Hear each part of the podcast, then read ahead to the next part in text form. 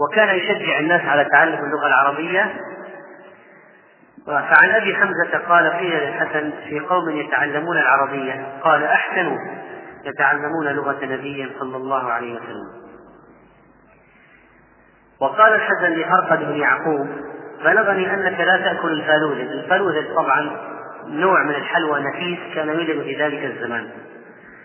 فقال يا أبا سعيد أخاف أن لا أؤدي شكره يعني ناقش هذا الرجل ذلك الرجل كان لا يأكل هذا النوع من الطعام النفيس فالحسن سأله لماذا لا تأكل؟ سمعت أنك لا تأكل الفالوذ لماذا؟ قال يا أبا سعيد أخاف أن لا أؤدي شكره قال الحسن يا لك هل تقدر تؤدي شكر الماء البارد الذي تشربه؟ يعني إذا كانت المسألة تتوقف ما نأكل شيء خوفا من أن نؤدي شكرا فلن نأكل شيئا لكن حتى الماء البارد لا نؤدي شكرا. فلذا ليس إلا شكر النعمة والاستغفار. ومن المواقف العظيمة التي دونت في سيرته رحمه الله في معاملة أعدائه قيل له إن فلانا اغتابك إن فلانا اغتابك فبعث إليه طبق حلوى فبعث إليه طبق حلوى وقال بلغني أنك أهديت إلي حسناتك فكافأتك وهذا طبعا موقف مؤثر ولا شك. يحمل الخصم على الرجوع وترك ما هو عليه. وكان الحسن رحمه الله مقاوما للبدعة جدا. ومعلوم أن المعتزلة يعني واصل بن عطاء كان من تلاميذ الحسن. إلى أن حدثت حادثة جعلت واصل بن عطاء يخرج بفكرة الاعتزال ويعتزل مجلس الحسن البصري وبدأت تلك البدعة. كان واصل بن عطاء في أول أمره يجلس إلى الحسن البصري فلما ظهر الاختلاف وقالت الخوارج بتكفير مرتكبي الكبائر وقال الجماعة يعني أهل السنة والجماعة بإيمانهم أنهم يعني معهم أصل الإيمان مسلمون ولكنه فاسق فاجر لكن ما نحكم بكفره. إذا كان معه أصل الإيمان وكان ما فعله كبيرا لا تصل الكفر والشرك الأكبر. لما حصل هذا خرج واصل عن الفريقين. وقال بمنزلة بين المنزلتين أهل السنة والجماعة يقولون ما حكم مرتكب الكبائر؟ مرتكب الكبيرة. فاسق. باق على إسلامه؟ نعم. معه أصل الإيمان؟ أصل الإيمان؟ نعم. الخوارج خرجوا قالوا مرتكب الكبيرة كافر. مخلد في النار. ما فرقوا بينه وبين الكافر. قالوا مرتكب الكبيرة كافر. المعتزلة خرجوا بعد ذلك وقالوا ماذا قالوا؟ مرتكب الكبيرة في منزلة بين المنزلتين. لا مؤمن ولا كافر. وهذه بدعة. ما هو الشيء؟ ما في شيء لا مسلم ولا كافر. لا في الجنة ولا في النار. ما لما قال واصل بن عطاء هذه البدعة طرده الحسن عن مجلسه. من محاربته البدعة طرد هذا الشخص الذي أتى إليه الشيطان بالفكرة طرده عن مجلسه فاعتزل عنه. ثم تبعه عمرو بن عبيد وقد تقدمت قد قدم كلامه في الحجاج في الذي استفتى عن الطلاق عمرو بن عبيد كان مشهورا بالزهد وكان وكان حتى قال الخليفة كلكم يطلب صيد إلا عمرو بن عبيد. لكن عمرو بن عبيد راح مع المعتزلة فقد ذهب مع المعتزلة. فصار في هذه البدعة الخبيثة واصل بن عطاء وعمر بن عبيد فأسس مذهب المعتزلة من هذه البذور الفاسدة وسموا وجماعتهم بالمعتزلة. أطلق عليهم أهل السنة لقب المعتزلة لأنهم اعتزل اعتزلوا أولا مجلس الحسن البصري رحمه الله وهو إمام من أئمة أهل السنة. طبعا هو رحمه الله تعالى لا شك أنه من أهل السنة والجماعة وأقواله في هذا موافقة لأقوال أهل السنة والجماعة في الأبواب المختلفة في الأسماء والصفات والقضاء والإيمان وقول وعمل موقف من الصحابة وغير ذلك. لكن لعل الحسن رحمه الله صدرت منه كلمة في وقت من الأوقات حسبت على مذهب القدرية. لكنه بعد ذلك بين الأمر وتراجع عن ذلك ولا يمكن أن يقال أبدا إنه من القدرية. ويمكن يعني إذا حصل القراءة أثناء قراءة أثناء قراءة في الموضوع كلام يعرف الإنسان خلفية الموضوع. لعل عبارة صدرت من الحسن رحمه الله فهم منها أن الشر ليس بقدر وأن الخير هو الذي فقط بقدر. طبعا أهل السنة والجماعة يقولون الله خالق كل شيء وخالق الخير وخالق الشر. والخير والشر كله من خلق الله تعالى وكله من تقدير الله تعالى. وإذا قلت خالق للخير وليس خالق للشر جعلت للشر خالقا آخر ف يكون الكلام مؤدي إلى مصيبة عظمى. ولو زعم قائله أنه يريد تنزيه الله عن الشر وأنه لم يخلق الشر لينزهه عن الشر أو عن الرضا بالشر فهذا كلام فهذا هراء لأنه جعل للشر خالقا غير الله وصارت القضية في تعدد الخالق. في مسألة عظيمة فالله خالق الخير وخالق الشر لكن هل كون الله خلق الشر؟ إذا قلنا أن الله خلق الشر يعني أنه راض به سبحانه وتعالى أبدا خلقه مثل خلق الشيطان خلق الشيطان. فتنة ابتلاء يبتلي به العباد. فليس في المسألة إشكال واضح.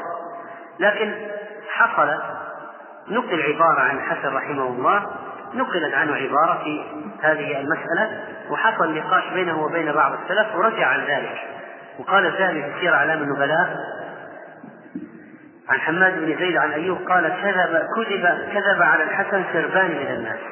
قوم القدرية رأيهم لينفقوه في الناس بالحسن. لأن الحسن يعني هم مبتدعة.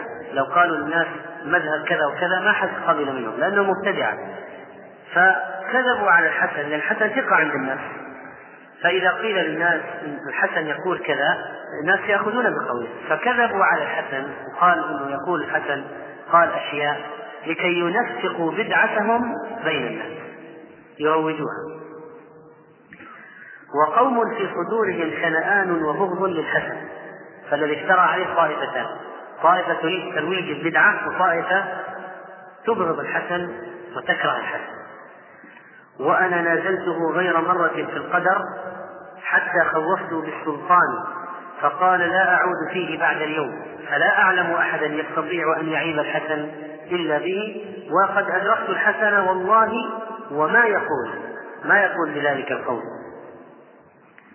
فهو قال لا أعود بعد النقاش ورجع عن ذلك ولا يمكن أن يعاب الحسن بشيء من ذلك. البتة وقد رجع عنه. وذكر الذهبي رحمه الله كلاما أيضا في الموضوع. وقال الحسن بن يسار مولى الأنصار سيد التابعين في زمانه بالبصرة كان ثقة في نفسه حجة رأسا في العلم والعمل عظيم القدر وقد بدت منه هفوة في القدر لم يقصدها لذاتها فتكلموا فيه. فما التفت إلى كلامهم لأنه لما حوقق عليها تبرأ منها. ويكفي فخرا أن الإنسان إذا تبين له خطأ كلامه أن يرجع وهذا رجع.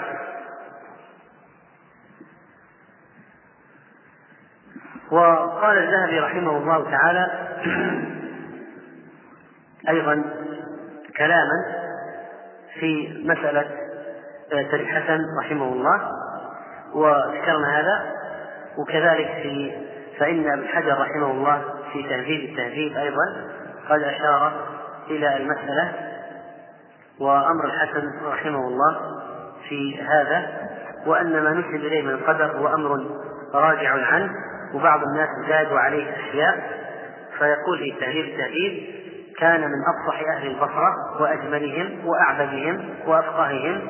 وروى معمر عن قتادة عن حسن تلك الكلمة المتعلقة قال أيوب فنظرت في هذه الكلمة فقال لا أعود. وقال ابن عون سمعت الحسن يقول من كذب بالقدر فقد كفر. والحسن كغيره من التابعين يؤمن بالقدر خيره وشره.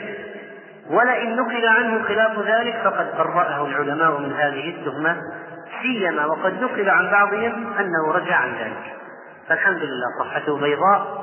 ولو كان قال شيئا من هذا أخطأ فيه فقد رجع. كان رحمه الله يهتم باللغة العربية كما أسلفنا ويقاوم اللحن، اللحن الخطأ في الكلام. فقال رجل للحسن البصري يا أبا سعيد ما تقول في رجل مات وترك أبيه وأخيه؟ ما هو الصحيح؟ وترك إيش؟ أباه وأخاه. قال يا أبا سعيد ما تقول في رجل مات وترك أبيه وأخيه؟ فقال الحسن ترك أباه وأخاه يعني صحح له اللغة في السؤال. فقال له هذا السائل كان في غفلة. قال فما لأباه وأخاه؟ فما لأباه وأخاه. الآن السائل جاء حرف الجر لابد أن يقول فما لأبيه وأخيه. فقال له الحسن إنما هو فما لأبيه وأخيه. قال الرجل يا أبا سعيد ما أشد خلافك عليه؟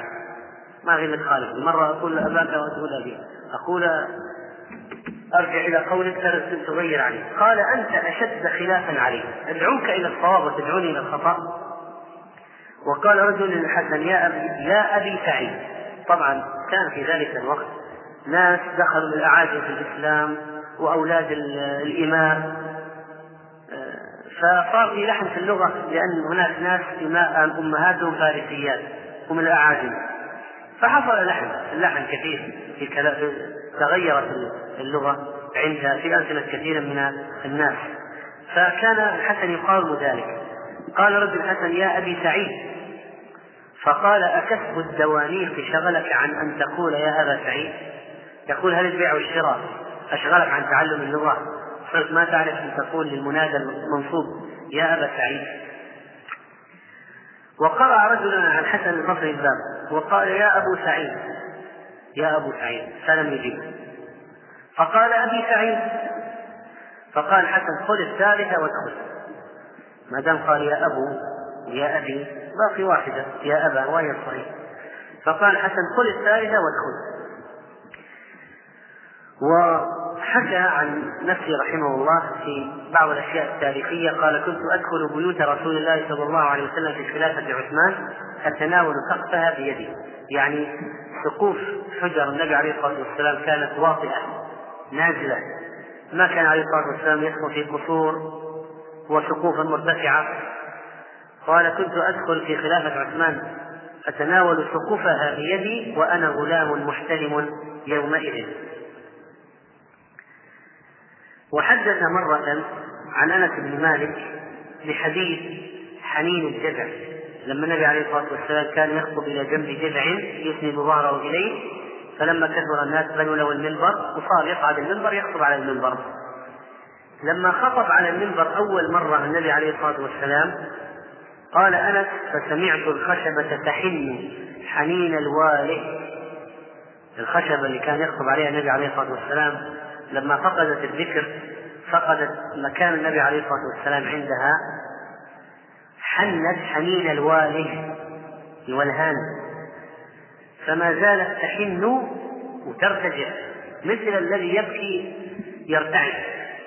فما زالت تحن حتى نزل إليها صلى الله عليه وسلم فاحتضنها فسكنت. وهذا الحديث البخاري حديث معروف حنين الجذع من معجزات النبي عليه الصلاة والسلام. يقول الحسن معلقا كان إذا حدث بهذا الحديث بكى. ثم قال يا عباد الله الخشبة تحن إلى رسول الله صلى الله عليه وسلم شوقا إليه فأنتم أحق أن تشتاقوا إلى لقائه. فأنتم أحق أن تشتاقوا إلى لقائه. وقد حصلت الحسن رحمه الله مع الفرزدق الشاعر قصة فإن فإنه قد اجتمع معه في جنازة أبي رجاء العقاربي فالحسن البصري يترجى فقال الفرزدق يا أبا سعيد يقول الناس اجتمع في هذه الجنازة خير الناس وشرهم. يعني يقصد يقول أنت خير الناس وإني أنا شر الناس. هذا كلامهم كلام الناس. فقال الحسن لست لخير الناس ولست لشرهم لكن ما أعددت لهذا اليوم يا أبا فراس؟ يذكر الفرزدق الشاعر. يقول ما أعددت لهذا اليوم يا أبا فراس؟ قال شهادة أن لا إله إلا الله وأن محمدا عبده ورسوله. ثم انصرف. وقال اصمعي لما ماتت النوار بنت أعين ابن طبيعة ابن طبيعة المجاشعي امرأة الفرزدق وكانت قد أوصت أن يصلي عليها الحسن البصري. فشهد أعيان أهل البصرة مع الحسن والحسن على بغلته والفرزدق على بعيره. فسار فقال الحسن للفرزدق ماذا يقول الناس؟ قال يقولون شهد هذه الجنازة اليوم خير الناس يعنونك وشر الناس يعنوني. فقال له يا أبا الفراش لست بخير الناس ولست أنت بشر الناس. ثم قال الحسن ما أعددت لهذا اليوم؟ قال شهادة لا إله إلا الله منذ ثمانين سنة. فلما أن صلى عليها الحسن مالوا إلى قبرها. فأنشأ الفرزدق يقول أخاف وراء القبر إن لم يعافني أشد من القبر التهابا وأضيقا إذا جاءني يوم القيامة قائد عنيف وسواق يسوق الفرزدق لقد خاب من أولاد دار من مشى إلى النار مغلول القلادة أزرقا يساق إلى نار الجحيم مسربلا سرابيل قطران لباسا مخرقا إذا شربوا فيها الصديد رأيتهم يذوبون من حر الصديد تمزقا لما سمع الحسن بكى حتى بل الثرى ثم التزمه وقال لقد كنت من أبغض الناس إلي وإنك اليوم من أحب الناس إلي. لما رأى شعره ما صار في الهجاء الكلام المقلع وإنما صار في الترقيق وهذا الكلام الذي فيه وصف النار التزمه رحمه الله وعانقه. ومن كلامه في الغيبة والمغتاب قال أصلة بن طريق قلت للحسن الرجل الفاجر المعلن بفجوره هل له غيبة؟ يعني يحرم أن يغتاب؟ قال لا ولا كرامة. إذا ظهر فجوره فلا غيبة له. وقال ثلاثة لا تحرم عليك غيبتهم المجاهر بالفسق والإمام الجائر والمبتدع. وقال فرقد دخلنا على الحسن. فقلنا يا أبا سعيد ألا يعجبك من محمد بن الأهتم يعني ما تستغرب من خبر محمد بن الأهتم قال ما له؟ فقلنا دخلنا عليه آنفا وهو يجود بنفسه يعني يحتضر. فقال يعني قال لهم انظروا إلى ذاك الصندوق فيه ثمانون ألف دينار. أو قال درهم لم أؤدي منها زكاة ولم أصل منها رحما ولم يأكل منها محتاج. فقلنا يا أبا عبد الله فلمن كنت تجمعها؟ قال لروعة الزمان ومكاثرة الأقران وجفوة السلطان.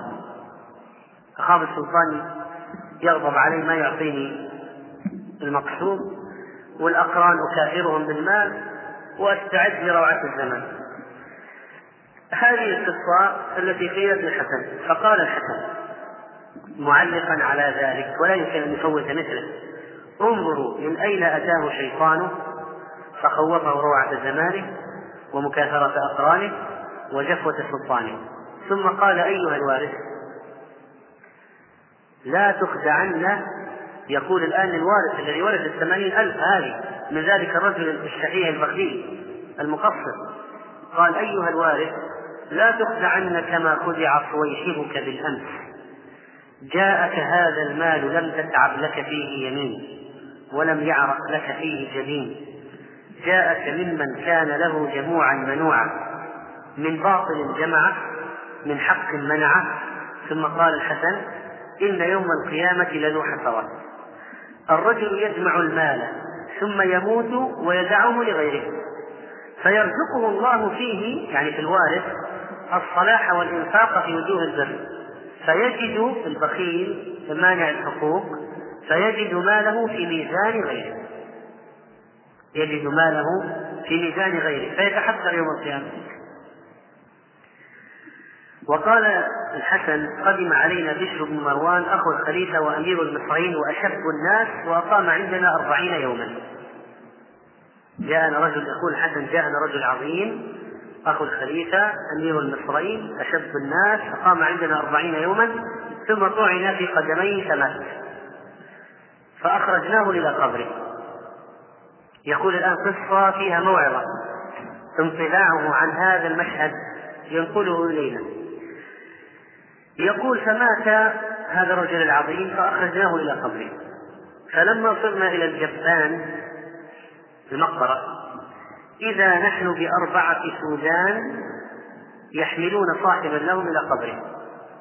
هذا جمع عظيم مع هذا الرجل المشهور. وهذا واحد مسكين معه أربع سودان يحملونه إلى قبره فوضعنا السرير يعني الجنازة فصلينا عليه. ووضعوا صاحبهم فصلوا عليه. نحن في مكان وهم في مكان في المقبرة.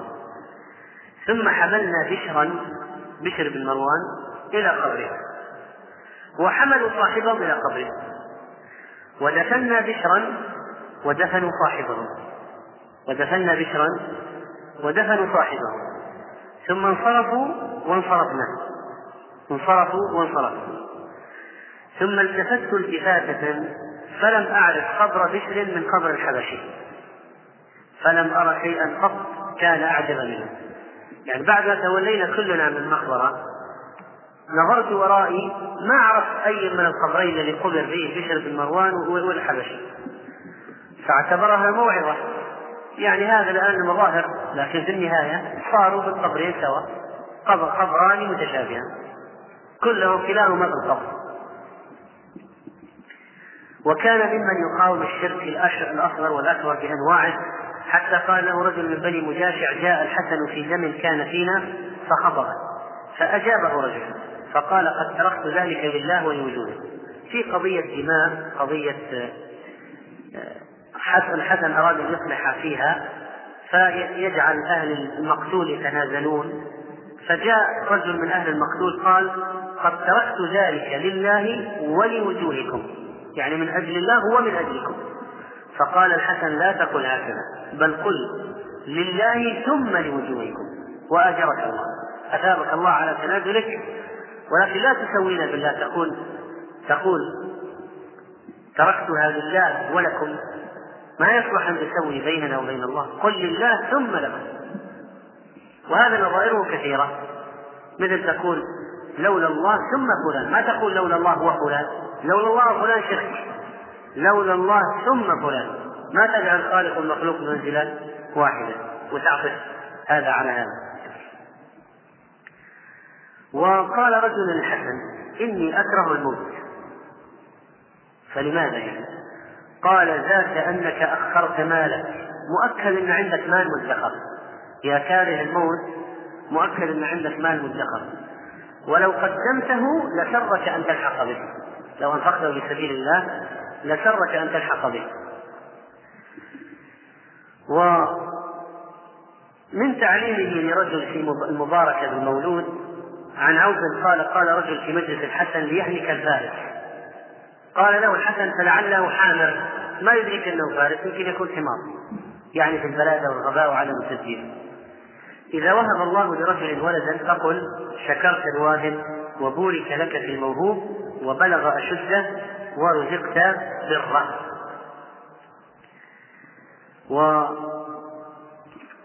وبالنسبة لوفاته رحمه الله تعالى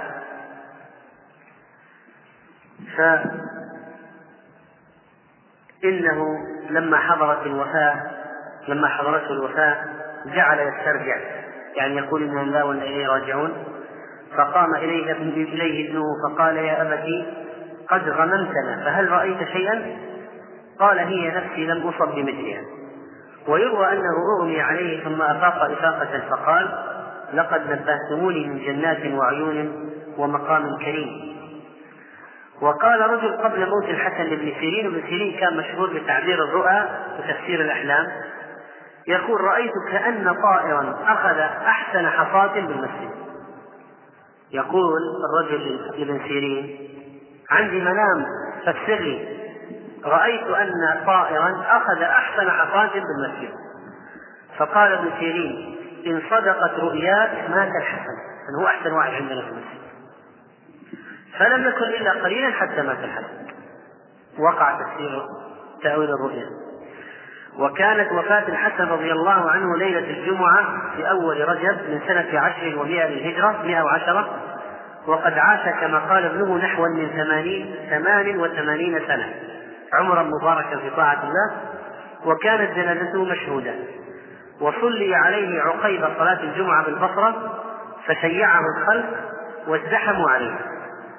قال حميد الطويل توفي الحسن عشية الخميس وأصبحنا يوم الجمعة فرغنا من أمره يعني جهزناه وحملناه بعد صلاة الجمعة ودفناه. وهذه نهاية هذه السلسلة في هذا الوقت ولعلنا نعود إليها مجددا إن شاء الله تعالى وسنعود إلى درس الفقه في الأحد القادم بين المغرب والعشاء ولعله يكون لنا درس آخر في الأربعاء أيضا بين المغرب والعشاء. في بعض المواضيع المتعلقة بالعلم وما يحتاج إليه طلبته ونسأل الله التوفيق والإخلاص وصلى الله وسلم على نبينا محمد.